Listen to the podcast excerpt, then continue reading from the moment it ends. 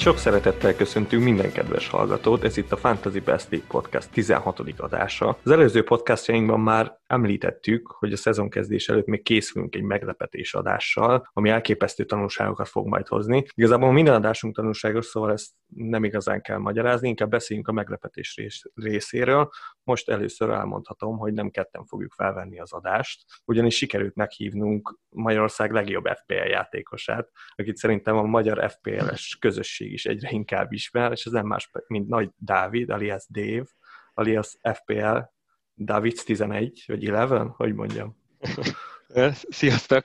Köszönöm szépen a, a megtisztelő felkonferálást. Hát ezek után illik majd okosakat mondanom, azt hiszem. De, de igen, azért éreztem benne némi túlzást. Köszönöm szépen, hogy itt lehetek. Tényleg megtisztelő. És nagyon várom a beszélgetést veletek. Sziasztok, és szia Dávid, én is üdvözöllek itt a podcastban. Még egy kis felkonfolt, hogyha eddig esetleg nem lett volna elég nagy a hype tényleg Mátéval nagyon örültünk, hogy elfogadtad a meghívásunkat, és nyilván ennek az is a része, hogy tátott szájjal bámultunk, amikor megnéztük itt a, a history-dat a fantasy-ben, hogy milyen eredményeket értél eddig, és a, az eddigi legjobb szezonodat tudhatod magad mögött. Itt tavaly 300, 3646 lettél 7,5 millió játékosból. Szóval igen, ezt látjuk, hogy komolyan veszed itt a dolgokat, és képben is vagy. És uh, ami talán még fontosabb, hogy itt a magyar közösségen belül negyedik lettél. És hogy milyen volt ez a tavalyi szezon, hogy értékelnéd? Hát szuper volt. Igazából azért a, a, az, hogy a legjobbamat tudtam hozni, az, az mindenképpen hatalmas pozitívum. Az, hogy Magyarországon nem sikerült felkerülnöm a dobogóra, az, az kicsit csalódás, de azért nem szeretnék lehetetlen sem lenni. Nagyon érdekes szezon volt, nagyon élveztem, még a, a megszakítás ellenére is, illetve egyéb nehéz körülmények ellenére is.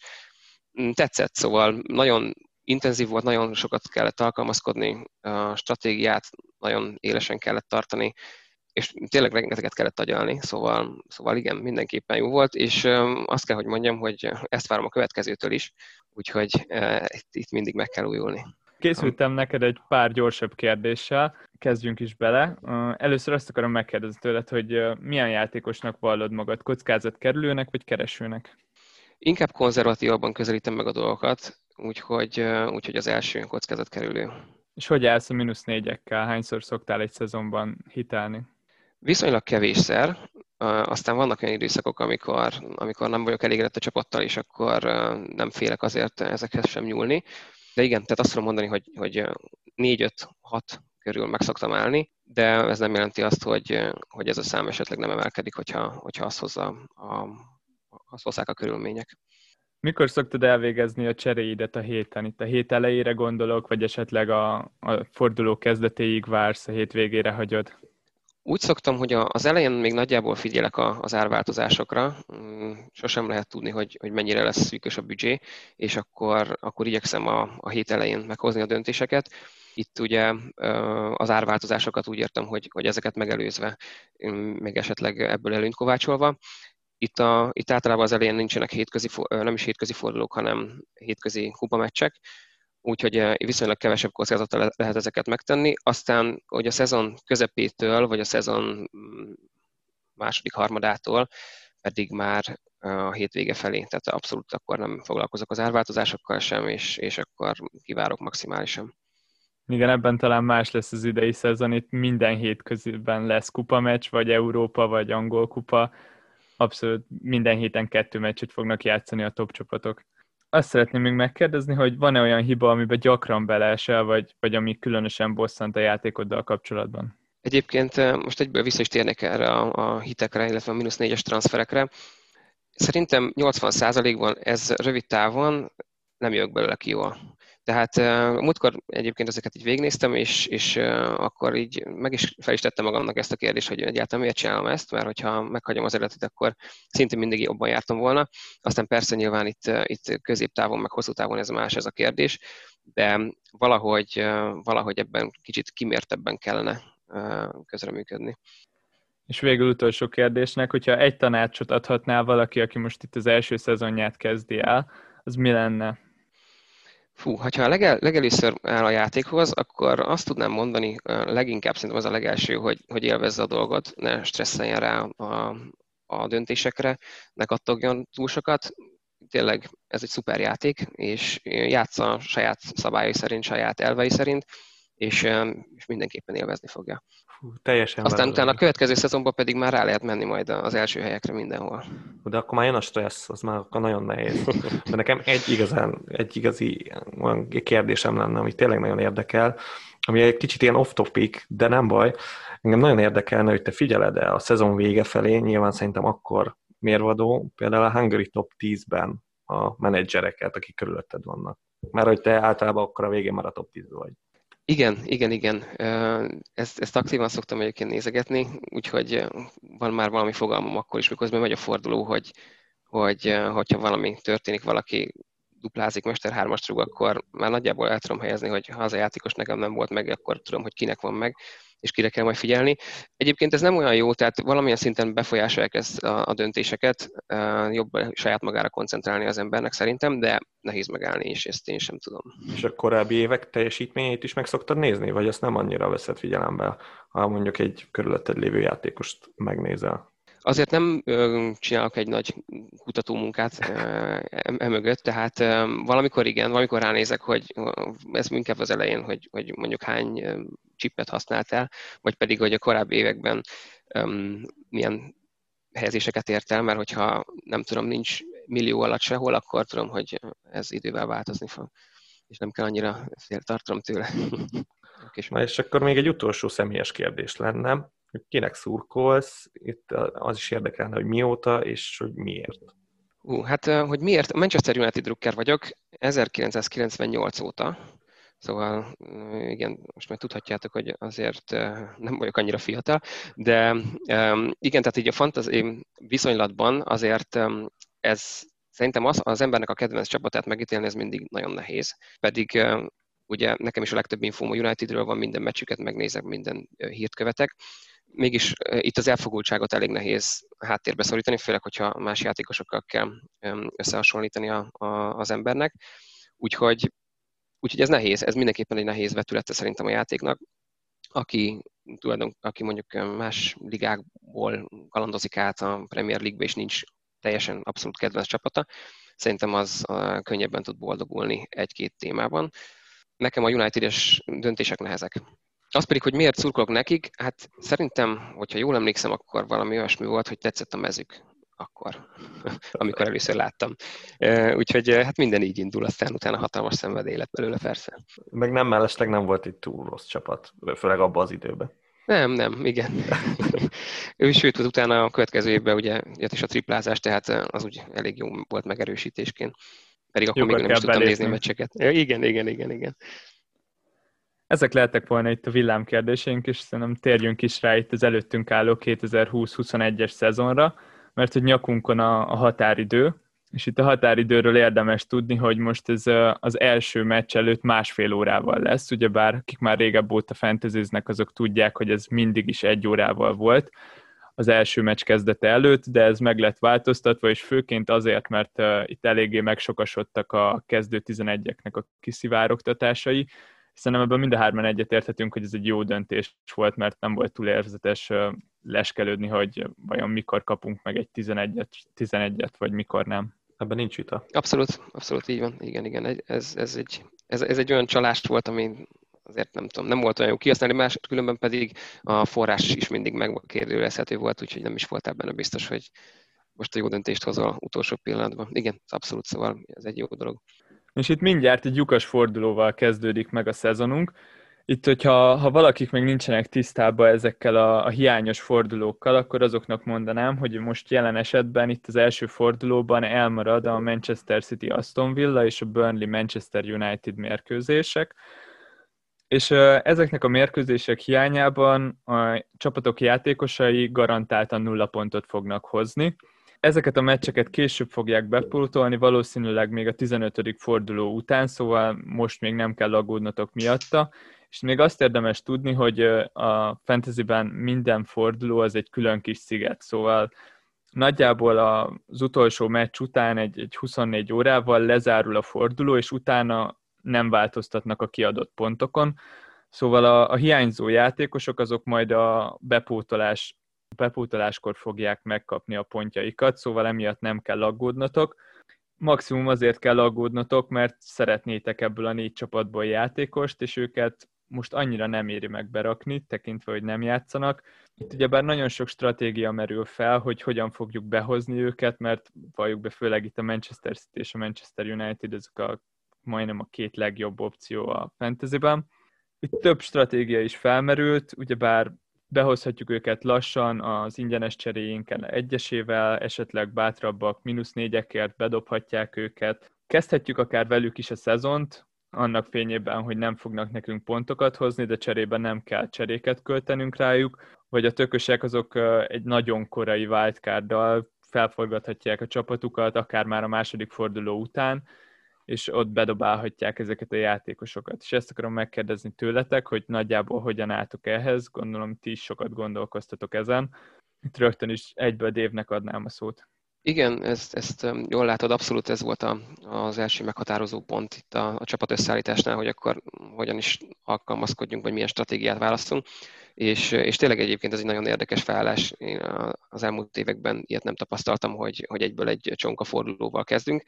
Személy szerint illetve igen, tehát felsorolva itt a, itt a stratégiákat, a, az, hogy, hogy a padon adjunk egy prémium kategóriájú Manchester játékost, szerintem ez nem túl működőképes. Én játszottam a gondolattal, hogy, hogy esetleg Fodent vagy Greenwoodot is ott hagyom, akik kicsit olcsóbbak, de én így sem tudtam olyan kezdő 11-re, vagy olyan, olyan keretre, ami tetszett volna. Úgyhogy persze ez is egy élhető dolog lehet, de szerintem, szerintem sokkal hatásosabb, vagy sokkal eredményesebb, hogyha, hogyha itt tényleg egy wildcard, wildcardhoz nyúlunk közel a, egyből, vagy, vagy hamar, illetve mínusz négyekkel, különböző transferekkel szépen feltartjuk a csapatokat.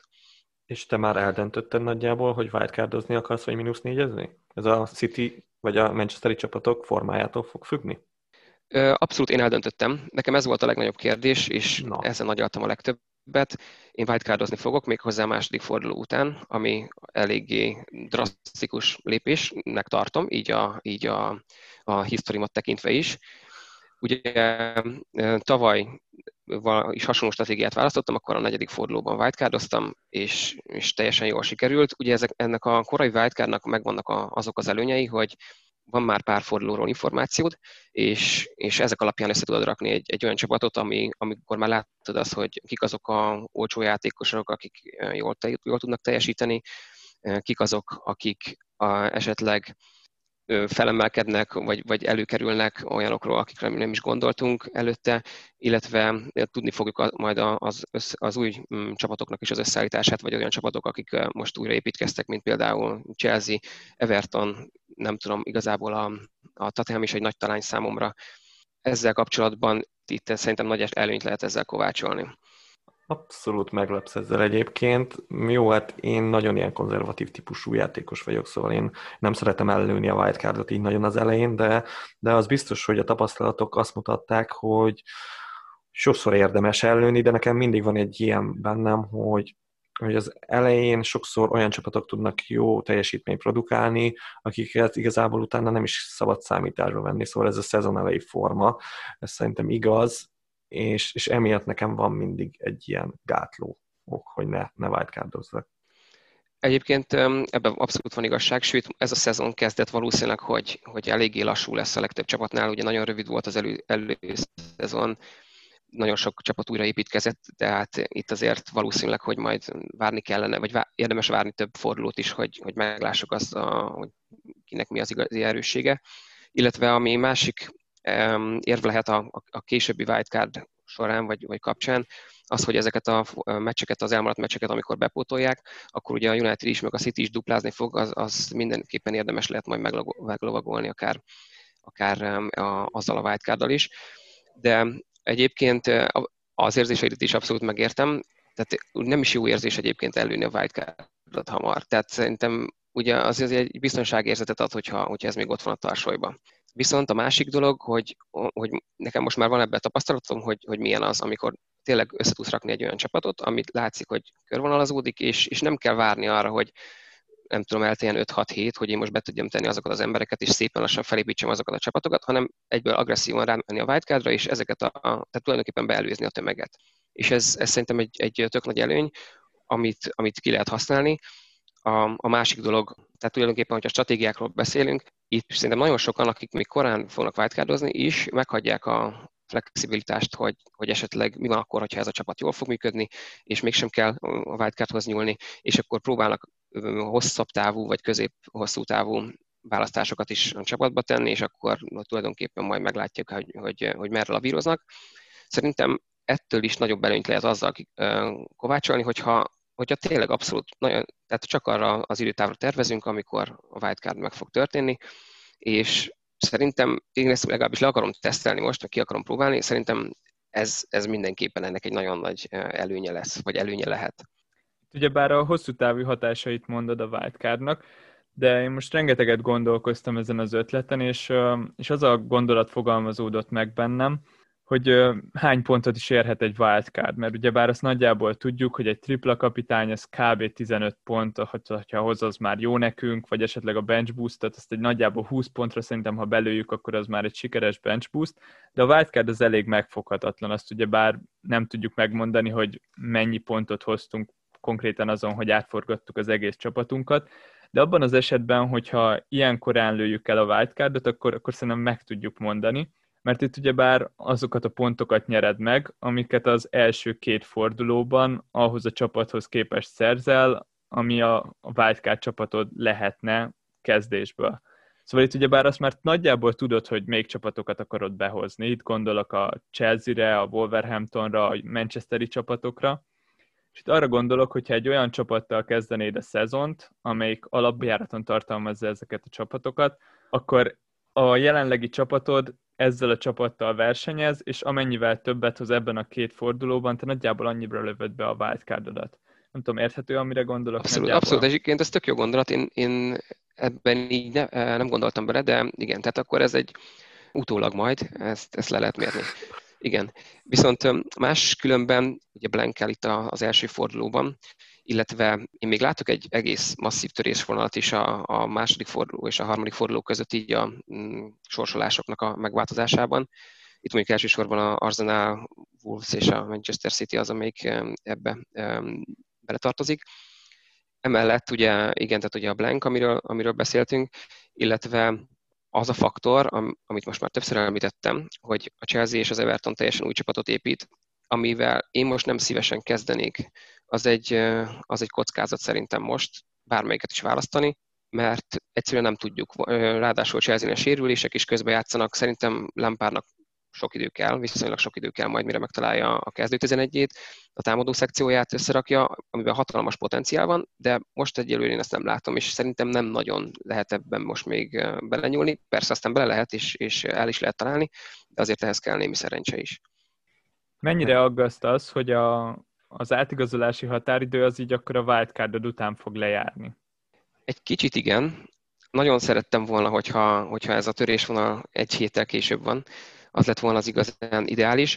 Olyan szempontból viszont így átgondolva nem nagyon aggaszt, hogy akiket hirtelen be fognak hozni az utolsó pillanatban, egyrészt nem számítok túl sok meghatározó játékosra, aki így lesz, tehát azokat majd egy-egy transferrel meg lehet oldani vagy pedig ezek a játékosok nem is fognak alapból a, a kezdőcsapatba kerülni, kell majd egy kis idő, mire beintegrálódnak a kezdő 11-ekbe, úgyhogy szerintem erre lesz idő majd, majd reagálni. De, de persze, tehát igen, illetve a másik hátránya ennek az, hogy, hogy tulajdonképpen csak két forduló információja lesz meg, ami alapján meg kell hozni a döntést, és ráadásul igen, tehát például a, a City és a United csak egyet fog játszani, ráadásul a City egy elég kellemetlen mérkőzést, ahol nem nagyon fogunk tudni sok mindent majd kitalálni, illetve hát a szokásos rulett is ott lesz Guardiolától, úgyhogy, úgyhogy azért nem egy teljesen ideális forgatókönyv, de ez a legjobb, amit, amit ki tudtam találni. És még szerintem van egy érdekes kérdés, így a wildcardon túl, hogy akkor most akkor mondjuk azt, hogy és szerintem sokan vannak, akik nem akarják ilyen hamar ellőni, főleg itt az új játékosok meg aztán végképp nem.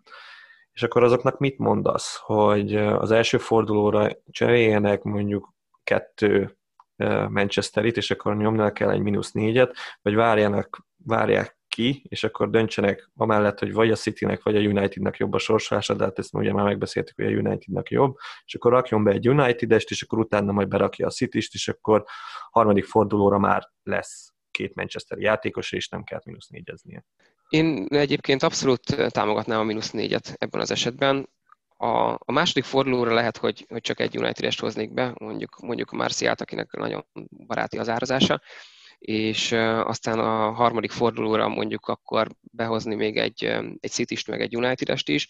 Erre, ez persze úgy érdemes előre megtervezni, hogy legalábbis a, a, a ez meg legyen rá, de szerintem itt egy kicsit agresszívnak kell lenni. Az, hogy, hogyha a liga a legjobb támadó csapatát, itt ugye a City-re gondolok, fokozatosan hozzuk be a játékosokat, mondjuk nem tudom, a negyedik, ötödik forduló tájékán lesz meg az a, az a egy-két-három ember, akit szeretnénk, szerintem az hátrány.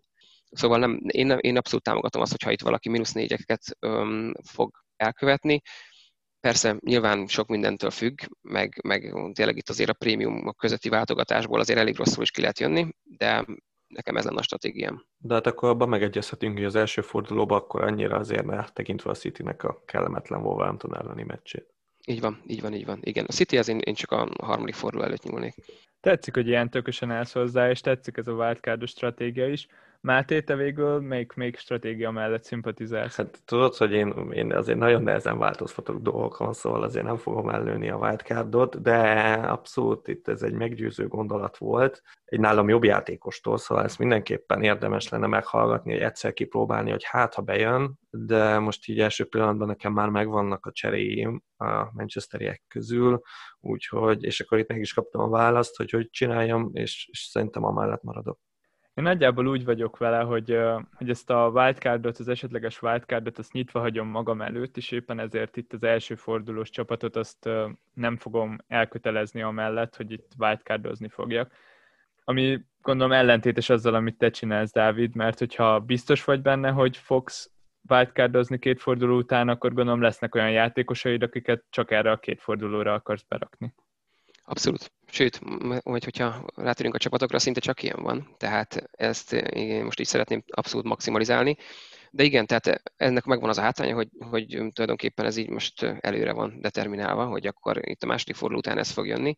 Nagyon nem látok más alternatívát, tehát ahhoz, ahhoz azért elég durva dolgoknak kellene történnie, hogy ez, ez ne következzen be. Igen, tehát itt azért a flexibilitás sérül egy kicsit. Igen, itt az első fordulós csapatoddal már tényleg nagyjából elkötelezed magad mellette. Ez az, amit én szerintem el fogok kerülni, és, és egy esetleges mondjuk későbbi negyedik fordulós wildcarddal, ugyebár említetted ezt a törésvonalatot, nagyon nagyot fordulnak a már említett csapatoknak a sorsolásai. Erről, erről le lehet csúszni itt egy pár fordulóval, de, de én még egyenlőre félek és tartok ettől a korai wildcardtól nagyon kíváncsi leszek, hogy végül még stratégia fog kikerülni győztesen, mert ilyennel még nem volt dolgunk, hogy, hogy így csonkafordulóval kezdjük meg a szezont. Abszolút. Egyébként, hogyha nem tudjuk a sorsolást, nincsenek csonkafordulók, stb., akkor szerintem ez a negyedik, ötödik forduló a legideálisabb a wildcardra.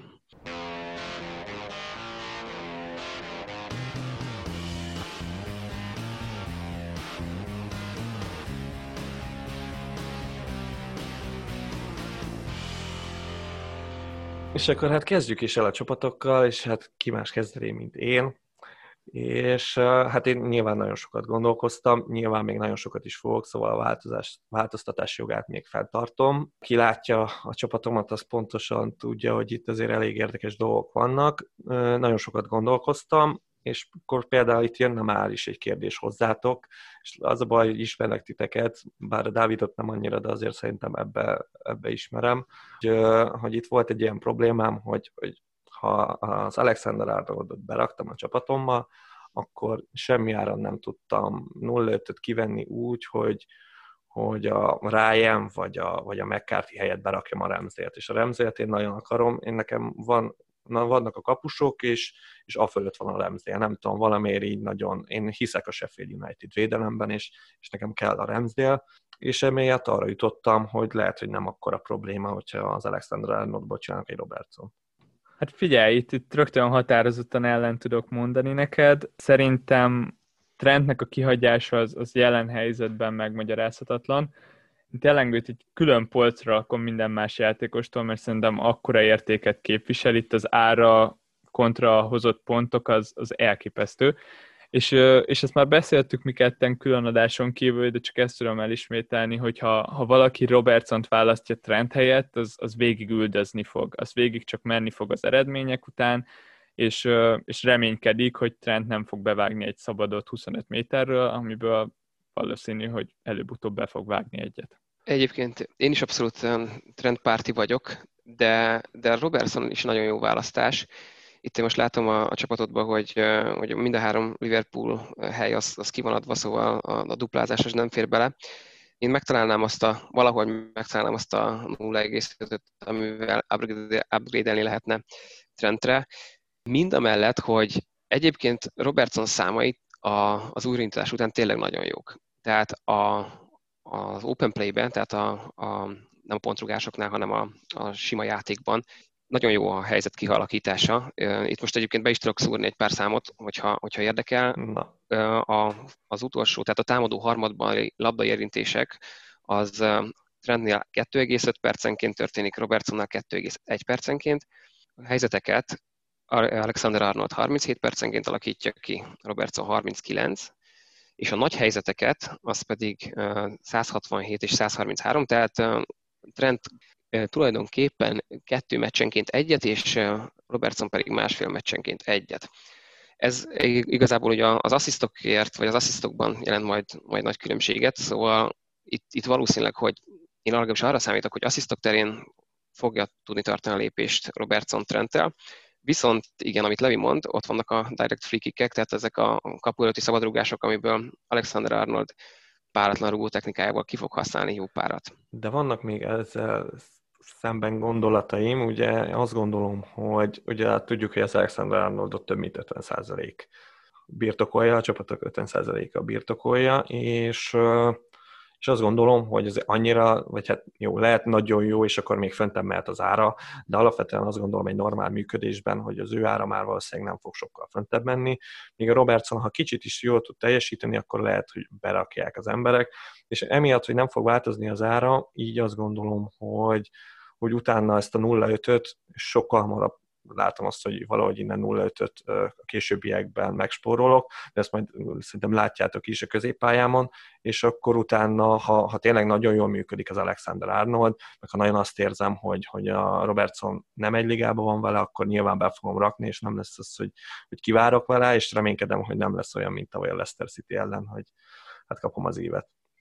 Na, és, és akkor hát menjünk is tovább a középpályára szerintem, mert én megpróbáltam azt, ami, amit talán sokan lehetetlennek tartottak, hogy én az én középpályámon ott van mind a, tizen, mind a három, tizenkét misis középpályás, ugye ez az Aubameyang, a Mané és a Salah.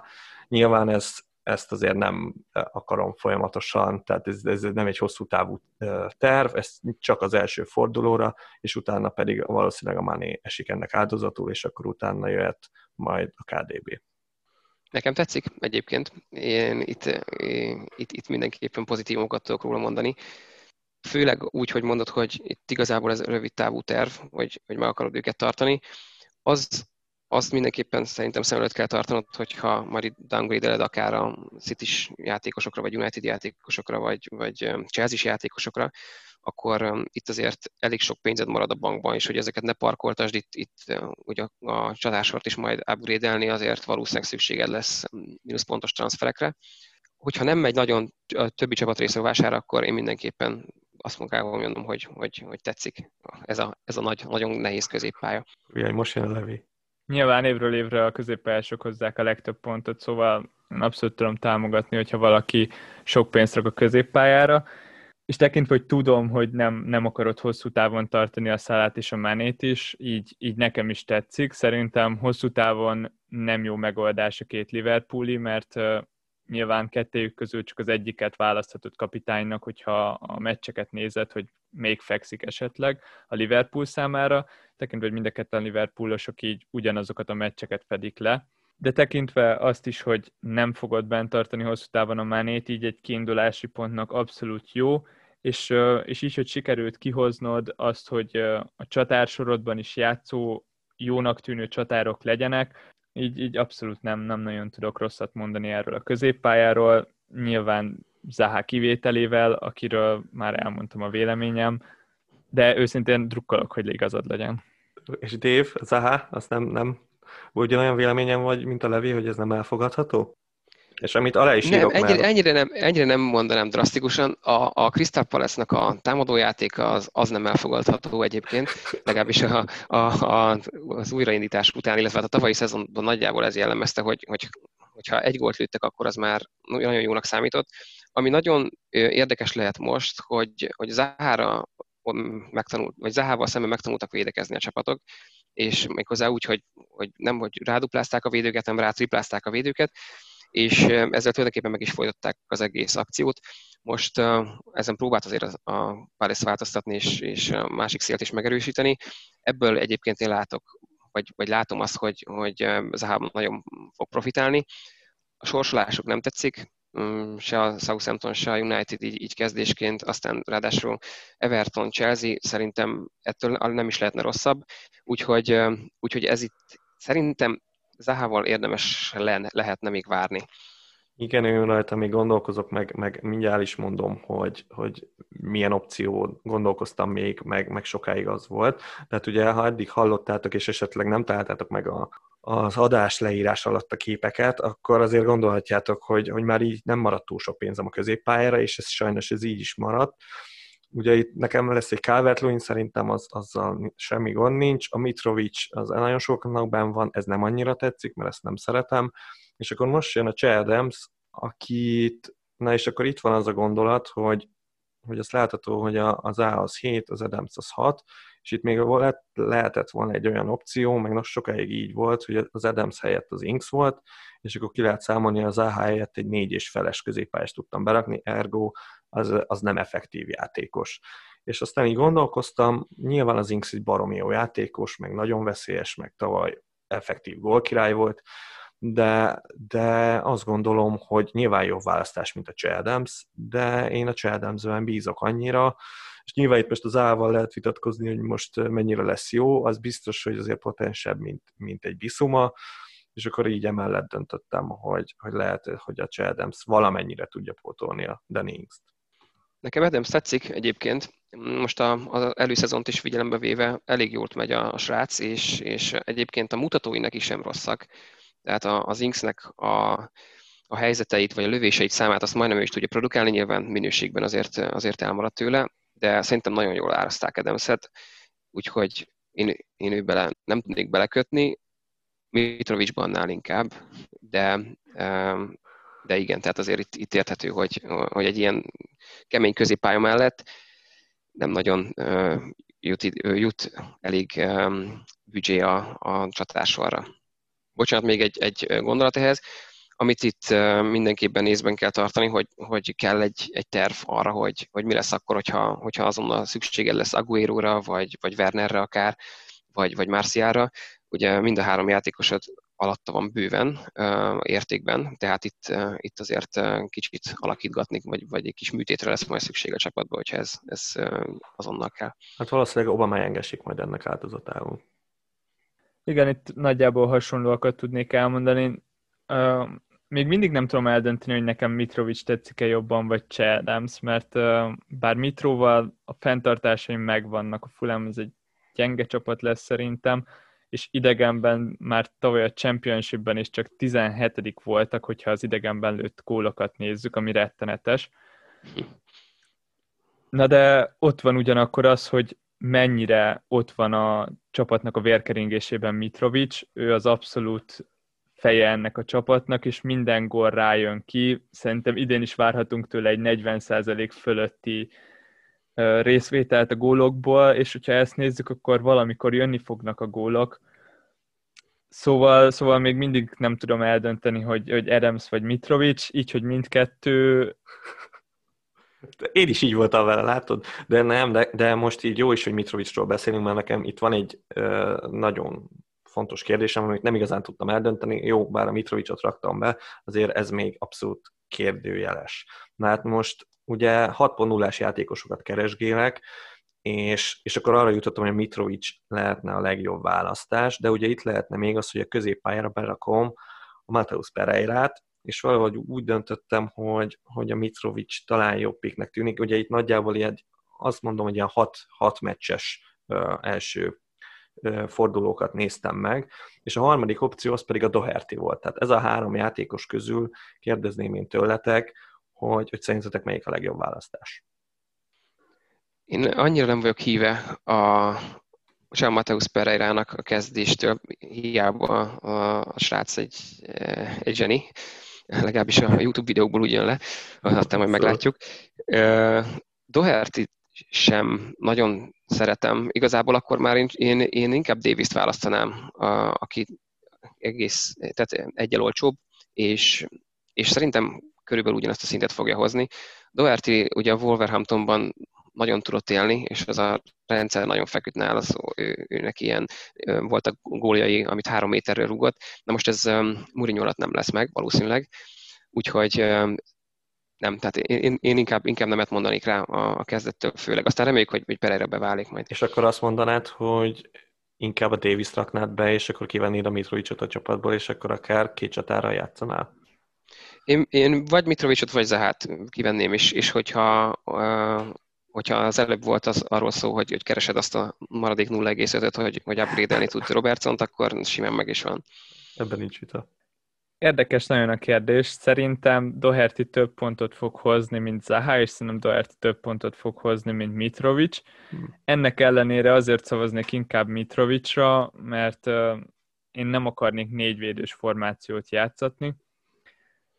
Alapjáraton nem szeretem, nyilván a támadókat szoktuk kergetni, és, és én ennek mindig is a nagy híve voltam, és hogyha Doherty-re elköltesz 6 milliót, úgyhogy őt igazából negyedik védőnek rakod be, Igen. akkor nehéz lesz majd az esetleges előkerülő gyöngyszemeket és olcsó középpályásokat, csatárokat kiválasztanod, tekintve, hogy akkor egy nem játszó játékost is bele kell vonnod a cserébe. Ugyebár arra gondolok, hogyha egy négyes feles nem játszó csatár van, és oda szeretnél egy új csatárt, akkor bizony olyat fogsz cserélni, hogy az egyik cseréd a kettőből az nem fog pontokat hozni neked. Én is így voltam emellett, úgyhogy ezért maradt a Mitrovic, aztán még majd az Áhán majd kiderül, hogy mi lesz vele. Őt nem garantálom a csapatomba, de nagyon szeretném be valami őszintén.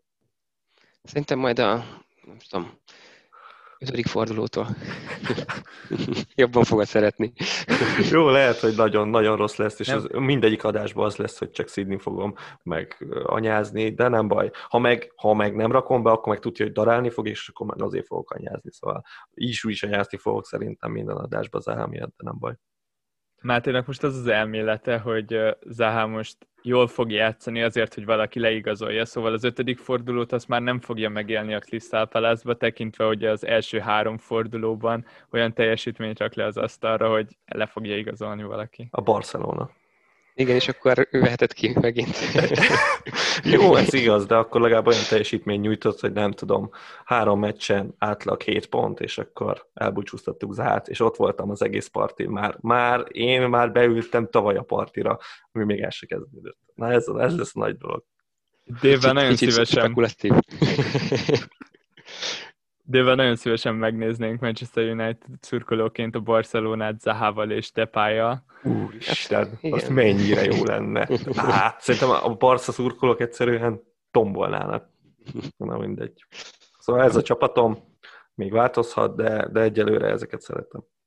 Egyébként ehhez egy gondolat, ami egy kicsit ilyen általánosabb, ugye, hogy, hogyha most van egy ilyen érzésed, hogy valaki jól fog teljesíteni, és, és nem nagyon tud ezt még megalapozni, vagy alátámasztani.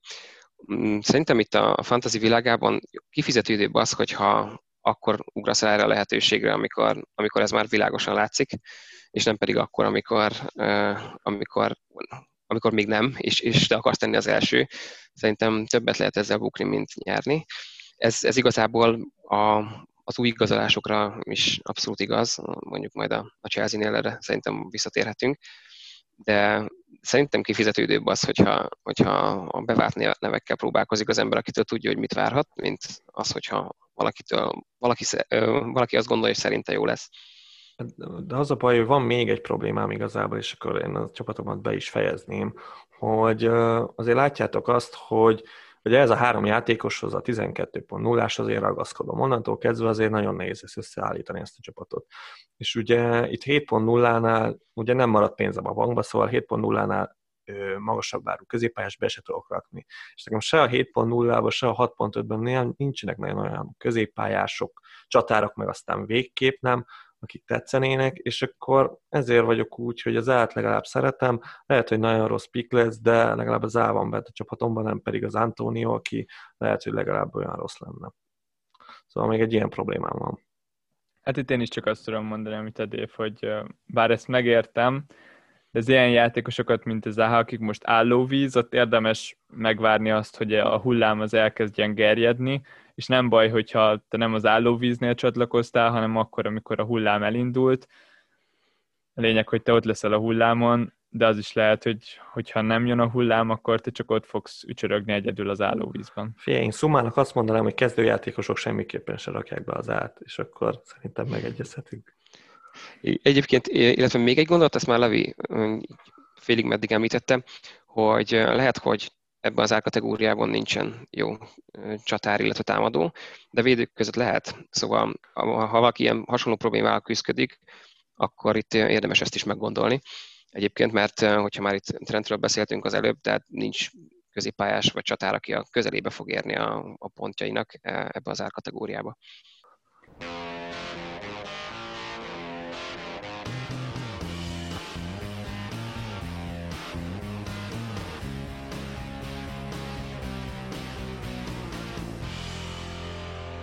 Itt az én csapatomnál már sokszor papoltam arról, hogy a, a védelmen igyekezzünk spórolni, és uh, most is egy ilyen védelmet hoztam össze. Itt Trenten kívül négy és feles védőkből áll az egész, az egész védelem. Az egyetlen kivételt az Davis jelenti, Dave már említette Davis-t, osztom a gondolatait, én a folyamatos a kezdéseket várok tőle, és itt nagyon tetszik a sorsolása. Ezen felül az egyetlen kérdőjel az még Vinagre, akinek a helye kérdéses Wolverhamptonban, de erről konkrétumot és biztosat abszolút nem tudok nektek most mondani. Ezt majd szombat délelőtt megbeszéljük Discordon, hogy végül mit, mit csináljunk Vinagréval, mert, mert kétes a helye.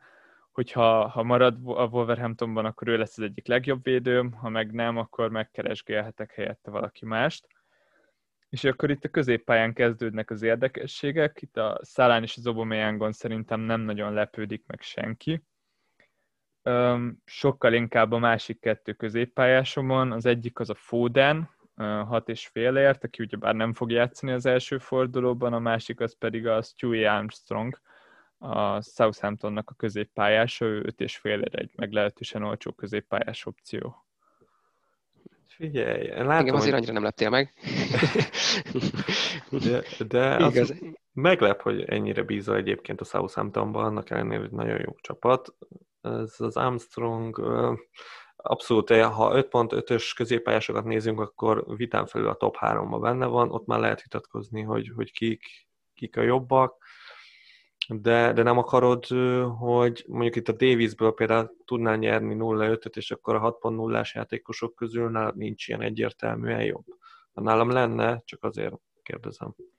Ezt még nem mondtam, nekem most jelenleg van 0,5 a bankban, és az, az nem is konkrét célokkal van. Itt ugye bár az, hogy, hogy hogyan kezdjük hmm. meg a szezont, költsük el az összes pénzt, vagy ne. Erre nehéz mit mondani megmondom őszintén, a, a keretem nekem nagyon tetszik ezen a két poszton kívül, itt a Foden és az Armstrong. Itt, itt bajban vagyok. Mondtad, hogy neked nem nagyon tetszenek a hetes középpályások, és az alatt, na hát nekem nem tetszenek a középpályások nagyjából nyolc és fél alatt, nyolctól kezdődően. Igen, ez kicsit így van. Szóval éppen ezért Fodenben bízok, Foden, hogyha már csak annyit fog játszani, mint tavaly, akkor szerintem egy nagyon jó választás lesz. Itt nyilván vannak kérdések, mert Greenwooddal meglógtak az angol táborból, és, és lányokat vittek be, ezzel megszegve a karantén szabályokat. Szóval itt még lesznek érdekes dolgok, de, de szerintem ez nem lesz kihatással a, a játékperceire, és azt, azt is tudhatjuk, hogy sajnos a, a Máreznek volt egy pozitív koronavírus tesztje, szóval ő, ő nem lesz Laportnak ott is, a, hogyha minden a Laportnak is, igen. Szóval ő, ő nem nagyon lesz ott a legelső fordulóra, illetve emiatt később kezdi meg az edzést a csapattal. Szóval Fodennél nem találtam jobbat, megmondom őszintén. Armstrongnál pedig itt is ugyebár lenne pénzem arra, hogy, hogy kiválasztok egy hatos opciót, Megmondom őszintén, hogy nálam csak a Szent Maximin versenyzett vele, és ők, ők ketten igazából fejfej mellett haladnak, és ugyanazokat hozzák. Az nem tetszik, hogy 300 Southampton játékosom van, de az egy védővel, meg az egy támadóval még nincs is problémám. Tényleg kérdőjelek azok bennem is vannak. Egyenlőre itt kötöttem ki, és itt, itt picit abban is bízok, hogy majd, majd előkerülnek olyan játékosok, akik, akikben most még nem bízok, de, de rászolgálnak itt egy-két forduló után arra, hogy, hogy akár felemelkedjenek ilyen 6-os, 6.5-ös opciók, akik, akik jók lesznek. Ugyebár tavaly is előfordultak ilyenek, itt, hogyha a Mountra gondolok, vagy a Grélisre, remélem, hogy most is egy Trosszárd mondjuk bebizonyítja azt, hogy helye van a csapatomban, ők, ők pedig addig, addig dobok egy kockát velük. Egyébként Trosszárdra van esély, vagy legalábbis amiket így olvasgattam, hogy csatátként fogja játszatni majd Potter, az, az mindenképpen érdekes lehet. Brightonnak a, a sorsolása sem, sem túl király így az elejétől, szóval ezzel is majd várni kell, de igen, ez majd egy másik téma. Egyébként nekem egyáltalán nincs bajom se Armstronggal, se Fodennel, szerintem ez, ez, egy, ez egy tök jó, hogy meg tudtad rá találni a, a pénzt, hogy, hogy Fodent hogy tud hagyni a padon, így, hogy már ez sem lesz bevethető valószínűleg az elején, szerintem garantált a helye a, a kezdőben. És hogyha most a Manchester City legerősebb támadó szekciójára gondolok, nálam akkor is ott van Foden, oké, okay, az, az világos, hogy Guardiola nem logikusan gondolkozik, de, de hát szerintem ez egy olyan kockázat, vagy kockáztatás, ami, ami azért elég jó előnyt hozhat. És igen, nem kell majd egy plusz transfert előni erre, hogy, hogy behoz egy, egy Manchester City értéket. Ott nem tudok vele vitatkozni. És egy, egyébként, egyébként így, hogy előre tekintve a, az megvan, hogy a, tehát akkor az lenne a stratégia, hogy akkor Obama Youngot majd a, a harmadik fordulóban lecseréled, valakire, ez már megvan konkrétan, hogy ki lesz az, vagy pedig, vagy pedig ezt nyitva vagy ezt a kérdést. Azt tudom, hogy az egyik City játékos lesz, ott ugye bár megint nyerni fogok félmilliót, szóval ezért sincs akkora szükségem a jelenlegi bankban lévő félmilliómra, mert uh, Aubameyang 12 és a, a két legjobb City a Sterling és a Kevin De Bruyne 11,5 millió, ott akkorát fordulnak Obameyangnak a sorsolásai, hogy szerintem akkor is könnyen kirakom a csapatomból, hogyha jól fog teljesíteni itt az első két fordulóban, aztán lehet, hogy, hogy fájni fog érte a szívem. És a, a tervezett cserék, bár én, én soha nem szerettem a tervezett cseréket, az ilyen wildcard kapcsolatos cseréket, mert akkor mindig úgy voltam vele, hogy akkor inkább rakjuk be előre őket. Alapjáraton jó előre gondolkozni, de, de betervezni soha nem terveztem sőt, volt egy ilyen alapötletem, hogy, hogy wildcard után a következő fordulóban én, én soha nem cserélek, mert legalább annyira jó a wildcard csapatom, hogy ott, ott kettő, kettő cserén megmaradjon egy fordulót követően. Na hát most itt megvan ez a Kevin De Bruyne betervezett csere is, és, és Martial is nagyon-nagyon tetszik itt a második fordulóba, rögtön Werner helyett. Gondolkozok, és, és nagyjából megvannak ezek a cserék kellenek a Manchesteri játékosok. Szerintem, tehát így nekem elsőre ez is nagyon tetszik. Szem, személy szerint mondjuk, tehát a, a, a Wernernek a közel 50%-os ownership az abszolút meglep. Megdöbbentő. És igen, igen, igen, nem, igen. Nem, nem tudom, nem tudom hol rakni azt. Én azt hittem, uh, hogy jobban félnek az emberek a Wernertől, de itt semmi félelem nincs, itt mindenki kész tényként veszi. Meglep, tényleg meglep. Igen, igazából tehát nagyon jó csatár, tényleg szó se róla, illetve elég korán is már a Chelsea-hez került, szóval egy ideje velük van, és valószínűleg, hogy, hogy kezdeni fog. Ugye Lampard nagyon szerette lecserélni a támadóit így a 70. perc környékén, ez ugye az Abrahamnál és a Zsiludnál is így volt, szóval ez szerintem nála is így lesz, főleg, hogyha nem tudom, már kettő óra vezetnek. Én, én egyelőre ebben nem látok többet így egy meccs per gólnál, aztán meglátjuk a simán benne a pakliba, hogy, hogy egy, egy nélkülözhetetlen játékos lesz majd a, a harmadik fordulótól. Ugye a második fordulóban Liverpool-la játszik a, a Chelsea, úgyhogy um, szerintem itt, itt, hogyha a Brighton ellen nem lő gólt, akkor, akkor itt azért um, őt elég rendesen ki fogják uh, vágni a csapatokból a menedzserek. Pont ezért gondolkoztam el azon, hogy Marciállal kezdjem meg a szezont, ugyebár akkor megint egy olyan játékosom lenne, aki nem játszik, de hogyha azt feltételezem, hogy Werner nem fog hozni pontokat az első fordulóban, akkor az nagyon nagy előny, hogy az első cserémet nem rá fogom ellőni. itt, itt amiatt döntök Werner mellett, mert egy, egy játszó játékos, az is lehet, hogy hármat lő a, a Brightonnak, és, és erre megadom az esélyt, úgy vagyok vele, hogy keressük a pontokat, és próbáljunk meg minél több pontot szerezni, és ezzel nem játszok ennyire biztonságosan, hogy, hogy netán még a Márciát is berakjam, akkor inkább megadom az esélyt Wernernek, mert azért mégiscsak egy top csatáról van szó, és a Brighton az nem egy, nem egy annyira acélos ellenfél, de, de szerintem is simán benne van itt az első fordulóban egy Blanka Wernernek, főleg, hogy három védővel, lehet, hogy három védővel fog játszani a Brighton, alapjáraton kellemetlen ellenfél, tavaly verték is meg a Chelsea-t. Én sem értem, hogy miért van benne ott a csapatok 50%-ában. Jó szezont várok tőle, de 50% a csapatok 50%-ában akkor van bent egy játékos, hogyha ő a legjobb játékos a játékban. Szép. Szép gondolat, de nagyon adom, hogy a, neked a Palace Soton, vagy a Soton Palace meccset az első fordulóban az, az elképesztően izgalmas lesz. Ez, ez a szép az FPL-ben. Crystal Palace 1 0 fog nyerni, ezt most hallottátok először. Így van, Zaha, Zaha, Zaha. Benne van egyébként a bakliban. Am- amúgy a, a Southampton nagyon jó támadó csapat lett így a, a szezon második felére. Tehát itt, itt én abszolút azt várom tőlük, hogy, hogy a, a nagy a nagy hatos mögé ők, ők azért itt az Evertonnal karöltve majd beérjenek. Tényleg, nagy csapatok ellen is tökéletesen működött a taktikájuk. Nem tudom, ebből a, ebből a támadó szekcióból én, én is szeretnék részesedni, szóval szerintem Armstrong is jó lehet. Hisz meg, meg tényleg hát majdnem gólkirály lett, úgyhogy ő, rá azt hiszem, hogy, hogy őről azért elég kevés negatívumot tudunk mondani.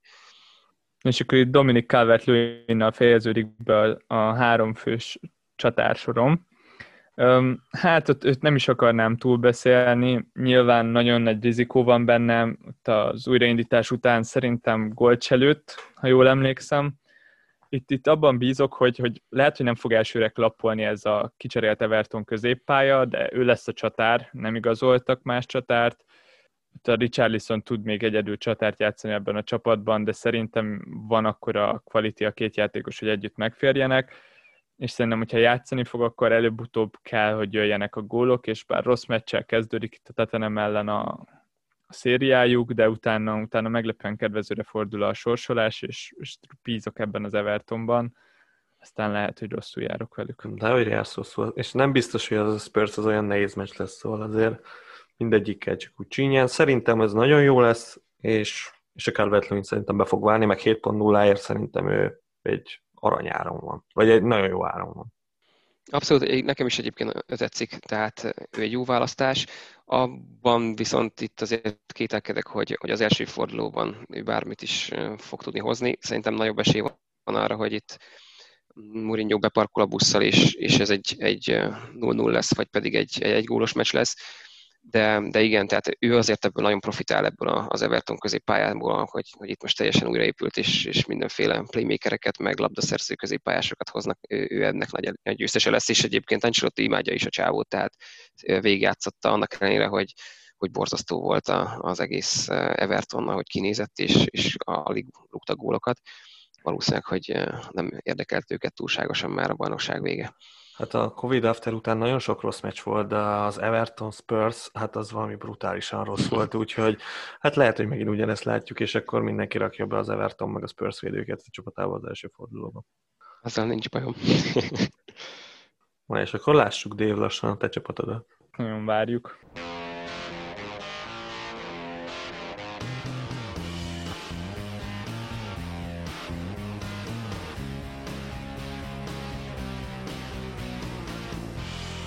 Oké, okay. szóval itt említettem már a srácoknak, hogy, hogy némi meglepetés várható tőlem, és szerintem ezt, ezt, ezt hozni is tudom.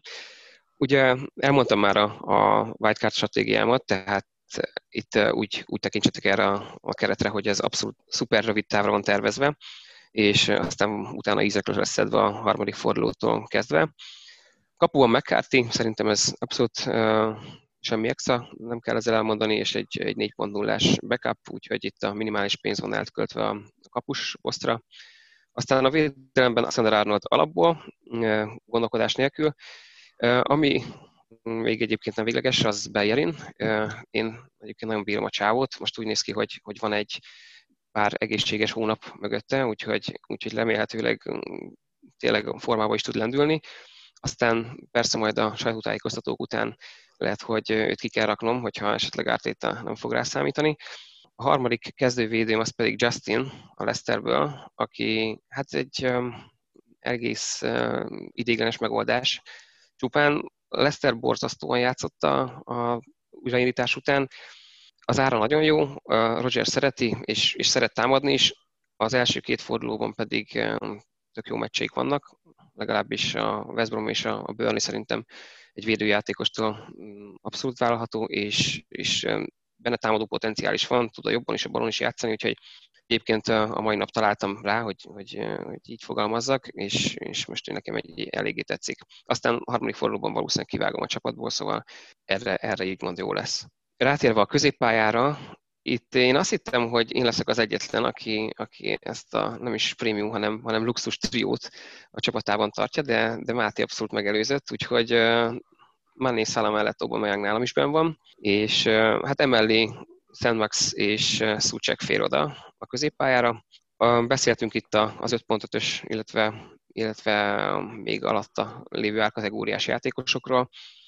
Egy, megér, megér tulajdonképpen egy misét. A, Szent Max ezzel a, a Newcastle igazolásájával szerintem abszolút fog profitálni, és igazából csak egy, úgy, úgymond csak asszisztokban jeleskedett eddig, illetve az asszisztok lehetőségében. Szerintem most ő ebben fejlődni fog. Newcastle-nek is elég kedvező a sorsolása, mert a, a West Ham és a, és a Brighton lesz az ellenfél az első két fordulóban. Armstrong nekem is nagyon tetszett, illetve nagyon tetszene még a, a Wolverhamptonból bárki, aki, aki ezt az 5.5-ös ár kategóriát betölti a kezdőcsapatból, de ezt egyelőre nem tudom, hogy ki az, úgyhogy ezzel kapcsolatban mindenképpen kivárok. Szócsek pedig igazából meglepően jó számokat hoz, tehát az elején még csak rögtem rajta, amikor még megint betalált, meg megint betalált, de meccsenként van két kapuralövése, vagy illetve próbálkozása.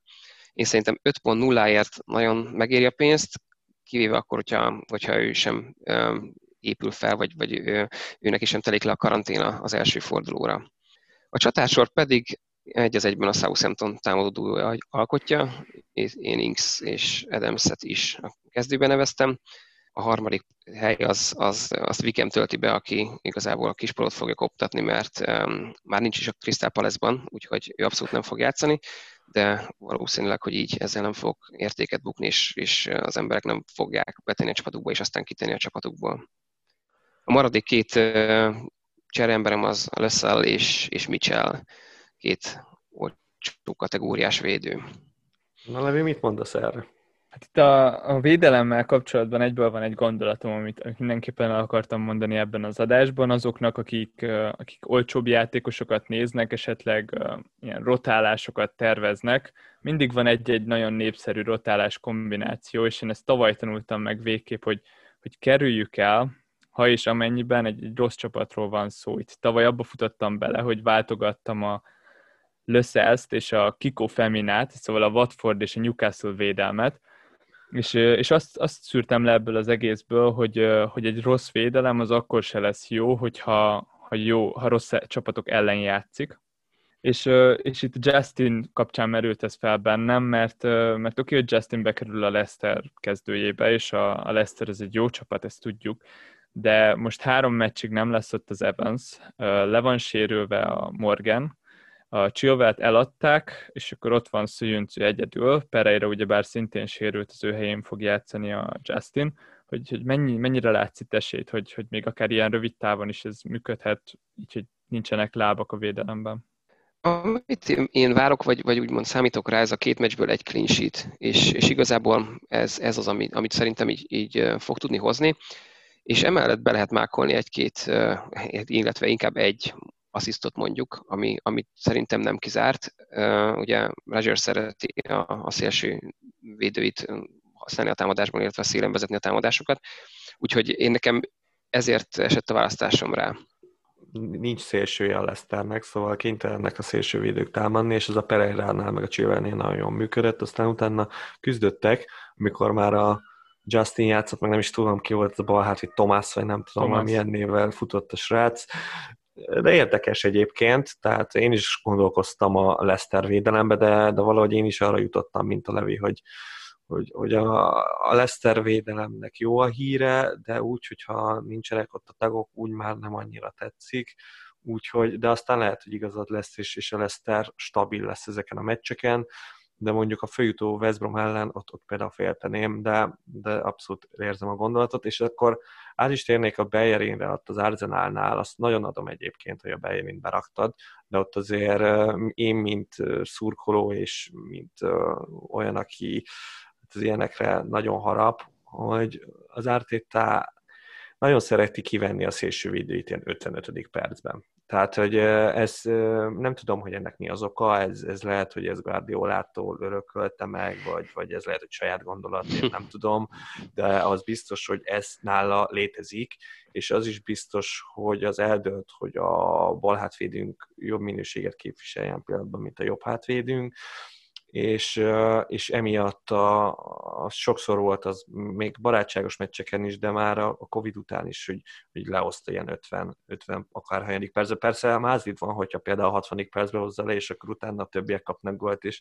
screen sheet lesz, de hogy a szélsővédéknél ezért necces ez. De korábban a Tirinél is ez előfordult, hogy lehozta, és, és, és így nem is értettük, hogy most mit csinál. Úgyhogy erre, erre felhívna a figyelmet, hogy, hogy azért nézz utána, meg, meg necces így. De, de egyébként a Bayerin szerintem egy jó pick, mert támadásban is nem olyan jó, mint régen, már nagyon megkopott, de, de egyébként azért mégiscsak egy Arsenal szélsővédő, és három védős rendszerben pedig gyakorlatilag jobb szélsőt játszik. Ja, köszi az infót, az insider infót. Igazából ez nekem abszolút nem volt meg. Remélem, hogy itt a, hogy most lekorlátozzák a cserék számát ja, vagy visszatesz, visszateszik háromra, ezért, ezért annyi változtatás nem lesz, de, de igen, tehát a Bejerin azért kérdőjeles itt mindenképpen. Az ára egyébként szerintem nagyon jó. jó. Egy, egy Arsenal védővel szívesebben vagy egy szívesen futnék neki ennek a, ennek a két fordulónak, és akkor egyébként ki, ki lenne a, a, az Arsenal védelemből a te választásod? Az én választásom? Hát ez egy nagyon nehéz kérdés. Hát a Térnél lenne, de 5.5 ér azt azért megbeszéltük az előző adásban, vagy az előttivel, nem is tudom, hogy, hogy ő azért drága, meg necces választás.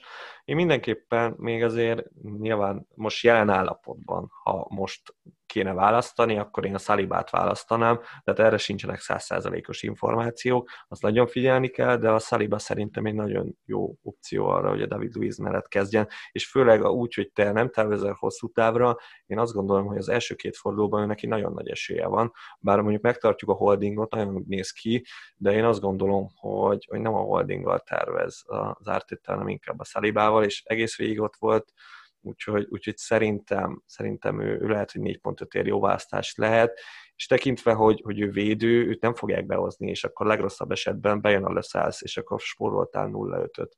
Szóval még egy ilyen mm.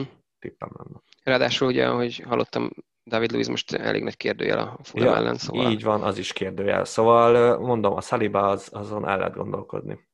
Oké, okay, király.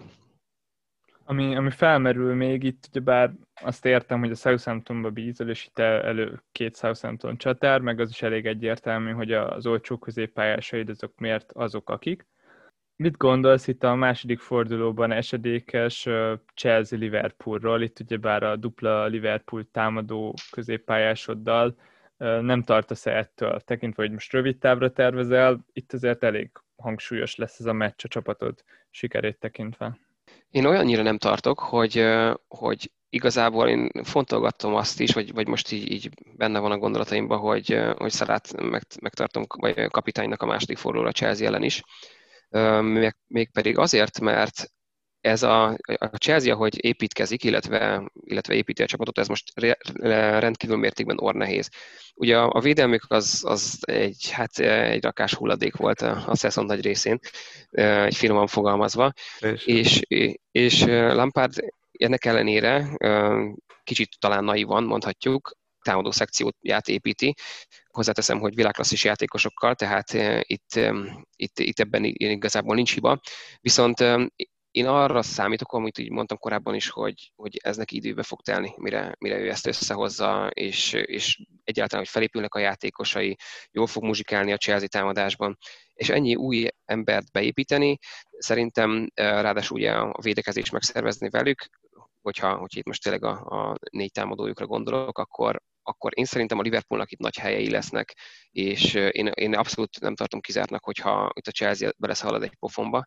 Igazából a, a legutóbbi meccsükből indulunk ki, ami lehet, hogy nem egy, egy jó viszonyítási pont, amikor már Liverpoolnak mindegy volt, akkor ez egy golffesztivált rendeztek. Most a Liverpoolnak olyan szempontból lesz a más hozzáállása, hogy, hogy ő akar majd védekezni, de, de az, hogy, hogy itt a, a Salah Manénak nagy területei lesznek, én szerintem ez, ez, ez legalábbis én ezt láttam. Én teljesen veled vagyok, én konkrétan annyira veled vagyok, hogy ugye én megígértem, hogy a KDB-t mindenképpen be fogom rakni, amint játszik rögtön, de nagyon elgondolkoztam azon, hogy a Manét hagyom, és akkor a Wolves meccs után rakom be a, a KDB-t, és akkor a Manét a Chelsea ellen hajrá, mert hogy én is egy nagyon jó sorsolásnak gondolom. Egyébként más különben, tehát hogyha nagyon rosszul fog kinézni a Liverpool a Leeds ellen az első fordulóban, akkor, akkor egy, egy Bruno Fernandes esetleg kinézhet, vagy Szala vagy Mané helyére a második fordulóban. De egy, egy, egy középpályás meg szeretnék tartani, minimum. És még szerintem Szucsekről mindenképpen beszéljünk, mert, mert én azért hozzátennék egy-két dolgot. Az tény, hogy a, a csávó valamiért tényleg hasonló, mint a Fellaini, tehát elképesztő módon fejjel is valahogy mindig ő ér oda, de mondjuk ő azért nem abba a poszton játszik, mint ahogy azt annó a Moise barátunk kitalálta a Fellaini-nél. Ő azért tényleg egy védekező középpályás, úgyhogy emiatt nekem azért van egy kis problémám vele, és nem tudom, hogy én most ilyen ajánlott tartanék inkább, vagy nem tudom, hogy nézted de őket. Én, én amikor 5.0-ás középpályás hely maradt, és, és nagyon ott kellett nézegetnem, akkor nálam a, a Fulham középpályások ugrottak be, mert ott legalább találsz támadó középpályás szélsőket. Ugye hát ide utána jön az a kérdés, hogy mennyire jó az, a Fulham sorsolása így az elején, hát nem túl jó, meg, meg, hogy, meg hogy mennyire játszanak, meg hogy a Fulham önmagában mennyire jó csapat, szóval ott is vannak problémák, de nem tudom, hogy őket nézted de. Igen, egyébként felmerült. A, kicsit bizonytalan vagyok a, a, a feljutott csapatokkal. Kicsit úgy érzem, hogy hogy ez minden évben előjön, hogy, hogy vannak nagyon jó jelöltek, aztán, aztán kiderül, hogy, hogy egy kicsit nagy rájuk a kabát egyből, amikor a Premier League csapatokkal kell találkozni. Aztán persze ott van egy Sheffield United, aki akik a hatalmas meglepetés produkálva nagyon sokáig a, a top négyre is esélyes volt. Én a Fulemtől ezt nem látom, tekintve úgy, hogy az Arzenállal kezdenek, én ezt a lehetőséget ezt így, így passzolnám. Az, az nagyon tetszik, hogy a, a csapatodat így az előre, előre megnézed az fordulókat, és, és megnézed azt, hogy mit vársz a bizonyos meccsektől, itt tényleg még visszautalva a Chelsea Liverpoolra, és hogy azt szerint rakod össze. Szerintem ez egy nagyon jó, jó módszer itt, főleg fantasyben. Tetszik, hogy, hogy nagyjából megpróbálod megsatszolni azt a végkimenetelt is, meg a meccsképét is, és akkor ez, ez biztosan segíthet abban, hogy, hogy hogyan válasz játékosok közül. Ez, ez különösen tetszett. Igen, egyébként szerintem ez, mm, ez mindenképpen hasznos, hogy igazából ezt végig is gondoljuk. Ugye a, a Fantasy-nek a websájtján, hogyha rámegyünk a sorsolásra, akkor ott tulajdonképpen különböző színkódokkal jelölik az adott csapatnak a mérkőzését, hogy milyen nehézségi fokozatba tartozik. És szerintem ezen érdemes túllépni, mert teljesen, teljesen random dolgok is, is kisülnek ebből. Tehát például szerintem ez a, a Liverpool Chelsea elleni mérkőzés, ez, ez Liverpool támadó szempontból egy, egy tök jó, egy, egy tök vállalható találkozó lesz. Nyilván a védekezésben nem biztos, de, de igen, tehát szerintem még ezeket jó végig gondolni. Na, és igen, nekem... és ugye bár az sem mindegy számunkra, hogy, hogy mi lesz a meccs kimenetele, mert sokszor van az, hogy mondjuk a, például ha a City a Wolverhamptonnál játszik, akkor nyilván a Citynek nem nagyon van rossz meccs. De nem mindegy, hogy a City a legtöbb meccsét azt megnyeri három góllal, a Wolves ellen általában meg izzad, és vagy nem nyer, vagy pedig egy góllal nyer. Kevésbé találjuk meg ott ugye bár a pontokat, és és egyetértek veled, hogy, hogy túl kell lássunk ezeken a zöld meg piros színeken. De most már nincs a Doherty, aki az előző, szerintem mind a két meccsen. Az egyiken tudom, hogy gól és gólpaszt adott, a másikon szerintem csak gólt lőtt, úgyhogy ez már, figyelj, ez már három góllal kevesebb, akkor már lehet, hogy egy X-re jó lehet a City. Akkor 0-0 lesz. Jó, akkor 0-0 lesz. Ja, egy, City Wolves 0-0. Mennyire jó hangzik. És még egy, én nekem egy kérdésem lenne hozzátok, hogy, hogy az első az, hogy most elégedett elégedettek vagytok-e a csapatotokkal, ha nem, akkor pedig mikor lennétek elégedettek? Én nem vagyok száz százalékig elégedett. Tulajdonképpen, hogyha most ezt így lebontom, akkor a Liverpoolra, Arsenalra és a Southamptonra van építve a, a keretem nagy része. Oké, okay, hogy ez a második fordulóra változik. Egyébként azt nem mondtam, hogy második fordulóra Ingsből Martial lesz majd. Hogyha itt valami gebasz beüt, és, és akár ezek közül a három csapat közül kettő mondjuk nem rugolt, akkor, akkor azért itt komoly problémák lehetnek de még egyszer mondom, tehát hogyha rövid távon akarom meglavagolni ezeket a lehetőségeket, akkor, akkor én ebben így igazából így maga biztos vagyok. Olyan a szucsek dupla. Hát igen, akkor az a B-terv. Levi?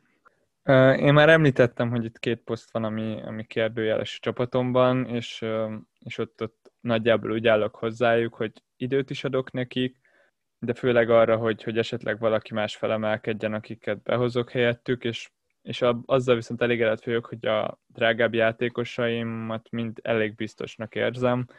Látom a gólokat a csapatomban, látom a kaput gól nélküli meccseket is, pedig elég kevés pénzt költöttem el ott arra a védelemre. Szerintem elég jó, jól ki van balanszolva, és, és könnyű lesz majd cserélgetni, ami, ami egy másik egy olyan dolog, amit érdemes itt figyelembe vennetek. Tényleg Nyilván kiválasztjuk a legjobb játékost, aki tetszik nekünk, de arra is érdemes gondolni, hogy, hogy hogyan tudunk majd esetleg elmozdulni, hogyha besül. Teljesen világos. Így van, így van és, és most így, hogy a City meg a United ugye csak a második fordulótól lép a pályára, ez, ez különösen fontos. Tehát a, arra legyen terv szerintem. Mindenképpen, hogy ha, egy, ha szükség van egy Aguero-ra vagy egy, egy Kevinre, akkor, akkor az azonnal rendelkezésre álljon. És, és még ehhez egy gondolat, ugye beszéltük itt, hogy, hogy ki mikor cserél, vagy mikor érdemes cserélni. Az biztos, hogy itt a, a második forduló előtt, a, a, sőt, ahogy, ahogy az első forduló elkezdődik, itt, itt hatalmas őrület lesz a, a City és a United értékeknek a behozatalán, és, és az áruk az biztos vagyok benne, hogy egy-két nap alatt emelkedni fog. Úgyhogy aki nagy, nagyon ki van számolva a pénze, az, az érdemes korán, korán lépnie, és, és lehet, hogy már az első nap behozni a, a, az adott játékost, hogyha, hogyha ez így megvan fejben. Ez nagyon jó tipp. Egyetértek. Nekem lenne egy kérdésem mindkettőtökhöz, aki, aki úgy nagyjából követi a, az, angol, az angol fantasy közösségeket, ott, ott most egy óriási nagy trend lesz az, hogy, hogy keresik az ilyen éleket, és a, a prémium játékosok cserélgetésére próbálják megépíteni a szezonjukat sokan. Nyilván ez egy olyan dolog, ami, ami elég, elég sok támogatást nyert, mert pont egy olyan játékos találta ki, akinek nagyon jó szezonja volt tavaly. De ez a lényeg, hogy mennyire látjátok ezt a, a prémium játékosoknak a cserélgetését, ugyebár itt főként arra megy ki a játék, hogy kapitányjelölteket hozzunk be. Ezt mennyire látjátok jó stratégiának, és mennyire ellentétes ez azzal, hogy, hogy ezek a prémium játékosok, ezek jól tudnak teljesíteni a rangadókon is, és lehet, hogy kirakjuk Szalát, mert jön három nehéz meccs, de lehet, hogy közben négy gólt fog lőni azon a három nehéz meccsen top négy csapatok ellen. Szerintem abszolút vállalható ez a stratégia, a, viszont nem való ez mindenkinek. Úgy gondolom, hogy igen, tehát ennek azért megvan a komoly árnyoldala az, hogy, hogy itt azért le lehet maradni pontokról, csak azért, mert, mert jön egy-egy nehezebb mérkőzés. Viszont az minden, én inkább emellett vagyok, tehát hogy, hogy cserélgessük őket, hogyha úgy érezzük, hogy formán kívül van valaki, vagy, vagy tényleg egy olyan mérkőzés, ahol maga biztosan betennéd kapitánynak, vagy ő a legjobb kapitány jelölt, akkor, akkor érdemes ezt meglépni. Nem 38 fordulóra fogunk csapatot választani, szóval ez, ez szerintem így jó, hogyha mindenki tudatosítja magába. Tehát itt, itt igazából megvan a flexibilitás hiába, hogyha, hogyha valaki vele kezdünk, akkor nem fontos kitartani mellette csak azért, mert hogy igazunk legyen, vagy, vagy várni arra, hogy, hogy ő teljesít, hogyha egyszerűen úgy látjuk, hogy más jobb, akkor, akkor meg kell lépni. És, és szerintem egyébként érdemesebb a, a transfereket erre a, ebbe az irányba fordítani, és, és a, a, a prémium játékosokra, vagy pedig a közel prémium játékosokra, vagy teljesítményben prémium játékosokra fordítani, mint sem mondjuk kapust cserélni, hogyha esetleg eh, ott nehéz mérkőzések várhatóak. A sokkal nagyobb az előnye, vagy az éle, ahogy, ahogy fogalmaztál. Úgyhogy én, én, én, én adom, támogatom. Én is támogatom, én ezt már tavaly, mikor így a Covid után, én már teljesen eldöntöttem, hogy én így akarom csinálni, annak ellenére, hogy nem nagyon csináltam így korábban, úgyhogy szerintem kicsit nehéz lesz nekem ezt csinálni, mert én azért alapvetően azért prémium játékosok, mert bízok bennük, még, még egy, egy nehezebb meccsen is, de azért be kell látni, hogy azért tényleg vannak még a Liverpoolnak is nehéz meccsei, és akkor ha úgy van, akkor szerintem nagyon jó opciók vannak kapitány pozícióra, úgyhogy főleg középpályán, nekem legalábbis középpályán csatárokkal megvan a véleményem, nem túl jó, aztán nyilván ez a szezon közben változhat, de nálam az összes kapitány opció középpályán van, és ott szerintem nagyon jól lehet váltogatni. Hasonló árban vannak, nyilván ez később változni fog, de így szerintem, szerintem mindenképpen el lehet gondolkodni rajta. Nagyon tetszik, amit mondotok. Én is nagyjából erre jutottam. Az biztos, hogy érdemes a transferjeinkből a legtöbb pontot kihozni. És pont ezért most, amikor például a védelmeteket állítjátok össze, akkor próbáljátok egy olyan védelmet összerakni, ahol, ahova keveset kell majd nyúlnatok, mert az igazán nagy pontokat, a kétszámjegyű pontokat, azokat a középpályások és a csatárok hozzák legtöbbször, vagy hogyha éppen a védők, azok a védők általában már bent vannak a csapatainkban. Így van, és egyébként a, tehát a, a csapatkapitánynak a, a fontosságát egyébként nagyon sokszor alulbecsülik a, a játékosok, vagy hát a menedzserek, mert hogyha, ez most csak így, így nincsenek nagyon statisztikák, de csak így, így emlékezetből, hogyha van egy gyenge fordulód, de a, csapatkapitányod két gólt, meg ad egy gólpaszt, akkor az szinte tulajdonképpen az egész csapat helyett teljesít, és, és egy, egy átlag pontszámot biztos, hogy fogsz hozni. Hogyha ugyanez igaz fordítva is, hogy hiába az összes többi játékosod jól teljesít, hogyha a csapatkapitányod mondjuk hoz egy nettó két pontot, akkor az, az, az egy az egy elég nagy negatívum, és, és azzal eléggé vissza lehet esni. Úgyhogy szerintem ennek a, az értéke, nyilván egyébként persze ez sokszor a szerencsém múlik, aztán meg ilyen triple captain meg, meg még inkább, de szerintem erre érdemes nagyon fókuszálni és, és előre tervezni. Hát abszolút, mi erről már szerintem beszéltünk, hogy a, nekem a két előző szezonom az ugye nagyon nagy különbséget mutatott pontokban, meg helyezésben is, annak ellenére, hogy a két szezon pontilag nagyon hasonló volt, és annak, ennek ellenére az alappontjaim nem voltak nagy különbség közte, nagyjából 30 pont, de a csapatkapitány választásban meg olyan szinten különbség volt, hogy, hogy az 600 ezer hely különbséget jelentett nagyjából. De ha azt a 30 pontot levesszük, akkor, akkor is szerintem egy 400 ezeret legalább az, hogy, hogy jól választod meg a kapitányt, és jó, nyilván ez egy nagyon néz, mert ez tényleg sokszor a szerencsém múlik, de, de azért nagyon sokszor meg előre lehet látni, és, és valamiért nem húzod meg azt, hogy berakod az Aguero-t, nem tudom, a Fulham ellen otthon, mert hogy uh, alapból is jó a csapatod, de ez még nagyobb upgrade tud jelenteni. És ha megbeszéltük, hogy milyen fontosak a kapitányok, akkor folytassuk is ezzel. Itt az első döntést ezt már meg is kell hoznunk pár napon belül. Az első fordulóban van két játékos, aki kiemelkedik a többiek közül szerintem. Az egyik őjük ugyebár a Salah, aki otthon játszik a Leeds United ellen, egy frissen feljutó csapat ellen, a másik pedig az újonnan már középpályás Aubameyang, aki pedig a Fulhamhez látogat idegenben, egy ilyen kisebb londoni derbire kerül sor. Melyikőjük tetszik nektek jobban, vagy esetleg van-e más, aki, aki a nagyfiúk játszmájába bele tud szólni? Hát szerintem nem igazán van. Nyilván lehet itt keresgetni, meg nagyon lehet így belemenni, hogy ah, akár egy Inks is jó lehet, a Palace ellen meg lehet próbálni, persze, de de még az Obama is kicsit nekem hasonló, hogy megpróbálhatod és bejöhet, de, de szerintem a kapitány vagy a, a menedzserek nagy része, én azt gondolom, hogy szalában gondolkozik, meg persze Manéban, ugye hát ez, ez attól függ, hogy, hogy kinek melyik tetszik jobban, de nyilván a Leeds azért az veszélyes csapat, tehát azért nem tudjuk, hogy mit várhatunk tőlük, és, és lehet, hogy nagyon, nagyon jó kis csapat lesz, és akkor ott vagyunk szalával, hogy ez, ezt nagyon benéztük. Míg a Fulhamet azért ezt mind aláírtuk, hogy talán a leggyengébb csapat a ligában, Obameyang az Obameyang, szóval akár simán két gólt simán várhatunk tőle, úgyhogy eh, érdekes, nem tudom. Én még azért mindenképp gondolkodóban vagyok. Én most jelenleg szalán állok, de ez azért változhat még. Én mindenképpen betenném a, a kettő mellé manét is. Mm, tudom, hogy itt, itt Szalá felé billen a mérlegnyelve a 11-esek miatt, illetve a lehetőségek a mennyisége miatt, de, de Mané nagyon jó volt az elmondások, leírások alapján a, a előszezonos meccsek alatt, illetve a, a Community shield is szerintem élesebb volt.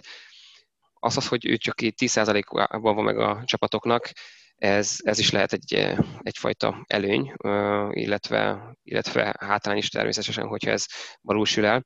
De, de Szalá tekintve az a ownership az beesett 30% alá.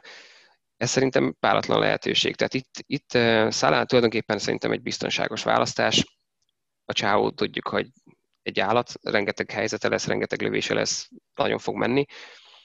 Igazából szerintem azzal ki tudjuk, vagy minimalizálni tudjuk a, a szerencsefaktort, hogyha, hogyha őt választjuk, hogyha itt tényleg konkrétot kell mondani. És egyébként itt, hogyha így a meccs képét akarjuk így, így előre látni, akkor Bielsa mindenképpen egy, egy érdekes ellenfél lesz, és, és valószínűleg a Leeds nem fog nagyon védekezni, nem fog beparkolni, a Leeds, meg akarják nyerni ezt a meccset, meg akarják mutatni a, a Premier League-nek, hogy ők is itt vannak, és ez azt, azt jelenti, hogy legalábbis én azt is látom, hogy itt, itt kitömi őket a Liverpool. Illetve a másik oldal persze az is benne van, hogy, hogy megnehezítik a dolgokat, és, és a Liverpool legutóbbi formájára hagyatkozva lehet, hogy ez egy szoros mérkőzés lesz, de én inkább a, a, az előbbire voksolok. Nálam Szala, és, és egyébként Nogomajángot sem zárnám ki teljesen, itt, itt érdekes, tehát hogy egy, egy Arsenal Drucker azt mondja, hogy, hogy nálam nem, nem annyira, vagy, vagy a Liverpool játékosok mögé. Itt én egyébként nem tudom, így, így semlegesként azt mondom, hogy Aubameyangban simán benne van egy, egy triple return, akár két gól, egy gólpassz, Fulham gyenge, szóval Arsenal ö, szerintem menni fog. Én nagyjából úgy képzelem el ezt a Liverpool leeds mint ahogy a tavalyi a Premier League nyitó meccse a Liverpool-Norwich hmm. lezajlott, feljött a Championshipből a bajnokcsapat, akinek nagyon határozott elképzelései voltak a fociáról, és, és nem adtak alább, és szerintem a Leeds hasonlóképpen fog viselkedni, ők nem fognak itt egy Stoke City-t, meg egy Crystal Palace megszégyenítve 11 emberrel védekezni. Jó védelmet várok tőlük, de szerintem fociban a Liverpool föléjük fog kerekedni, és a meccskép egy, egy szoros meccstől egy, egy sima Liverpool győzelemig igazából több mindent is el tudok képzelni, de én mindenképpen látom itt a pontokat a, az aktuális Liverpool támadónk számára. Az Arzenálba pedig én is el tudom képzelni, hogy Aubameyang akár három dolgot is hozzon a konyhánkra, de az a baj, hogy nincs meg az a, az a konzisztens erő, ami, ami a Liverpoolban megvan, szóval még mindig megvan az az egy szint, hanem kettő szint különbség a két csapat között. Hogyha lejátszuk tízszer a Fulham Arzenát, és lejátszuk tízszer a Liverpool Leeds-t, akkor Salah, Salah jön ki győztesen. És még gondoltam, egyetértek. Mhm. És mi, ha már itt Dávid említette az ownership-et, engem érdekelne, hogy mennyire veszitek figyelembe. Itt akár a játékos választásnál is, de szerintem sokkal inkább érdekes ez a kapitány választásnál. Én nem tulajdonítok neki túl sok jelentőséget. Szóval szerintem az elsődleges szempont az az, hogy, hogy tényleg személy szerint ki mit gondol arról, hogy, hogy ki fogja a legtöbb pontot hozni. És itt nyilván hogy az ellenfelet meg a formát figyelembe véve, ez, ez, az, ez legyen az első, ami, amit bárki így, így megnéz. A, aztán az hozhat pikáns dolgokat, hogy, hogy most, hogy valaki nagyon sok csapatban meg, megvan, vagy, vagy valaki éppen egy egy, egy differential, ahogy ezt így a szaknyelv nevezi. Szerintem nem kell neki túl nagy jelentőséget tulajdonítani, és én is most ezt a Szelán 30%-ot, ezt pusztán csak egy kíváncsiságból mondtam, hogy itt azért ennek van egy elég nagy előnye, vagy lehet egy nagy előnye, hogy itt a, a játékosoknak a kétharmadát ezzel eléggé be lehetne előzni. Én is ezt gondolom a alapjáraton, amit Dave, szóval itt a, a különbségeket még szerintem nem kell keresni. Nyilván az FPL az olyan szempontból egy nagyon egyszerű játék, hogy azt kell megrakni csapatkapitánynak, aki szerinted a legtöbb pontot fogja hozni. Nem számít, hogyha Mané öttel kevesebb embernek, vagy 500 ezerrel kevesebb embernek van meg, hogyha szerinted hárommal kevesebb pontot fog hozni, akkor már nem éri meg őt megrakni. Szóval ilyen szempontból elég egyszerű a, a kérdés a céloktól is függ, hogyha, hogyha valaki mondjuk egy miniligát akar megnyerni, akkor, akkor szerintem mindenképpen kifizetődő, hogyha odafigyel, hogy a körülötte lévő játékosok, vagy éppen a nagy riválisa az kit rakhat meg, vagy ki az, akit biztosan nem rak meg, mert nincs ott a csapatában. Hogyha meg valaki összegészében akar egy jó helyezést elérni, akkor megint csak érdemes odafigyelni rá, mert lehet kapni egy jó képet a forduló előtt, hogy kik lesznek a, a népszerű választások, és arról is, hogy nagyjából milyen arányban. Ezt, ezt én például tavaly nagyon figyelgettem, amikor a szezon végére már csak a, a helyezésem érdekelt, és ott akartam elérni egy, egy bizonyos célt. Na, ott én akkor minden fordulóban megnéztem, és ezt szerint mérlegeltem, hogy mikor tudok különbözőt választani, és mikor érdemes maradnom a tömeggel. Nehéz a kérdés, de ja, valahol nagyjából itt a kettő között látom a, a jó, jó választást.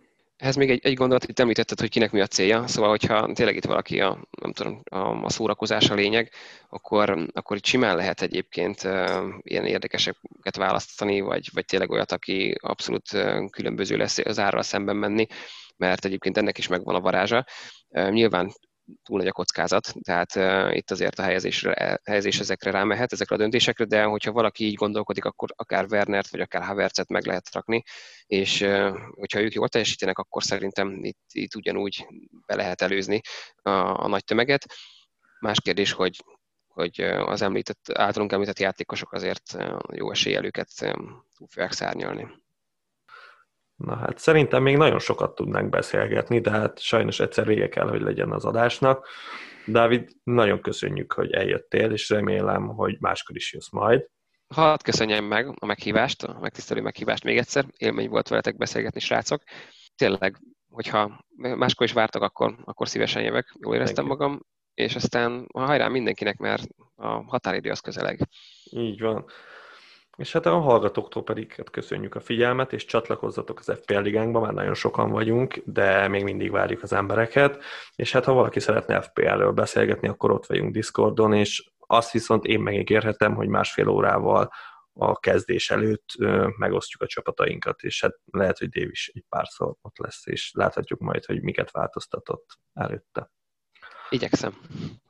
Sőt, hogyha ha nem hagyjuk az utolsó percre, akkor akár két órával a kezdés előtt, illetve a, az első meccs kezdőidőpontja előtt két órával, Így ami van. nagyjából úgy jön ki, hogy a, a szezon kezdet előtt, az FPS szezon kezdet előtt fél órával. Nagyjából akkor lőjük be a posztokat, aztán néha késünk, de kint szokott lenni Discordon. Na, és hát a következő adás az már szerencsére az első forduló után lesz, úgyhogy hajrá mindenkinek, szombaton forduló, hajrá Arsenal, Sziasztok! Sziasztok! Hajrá, sziasztok!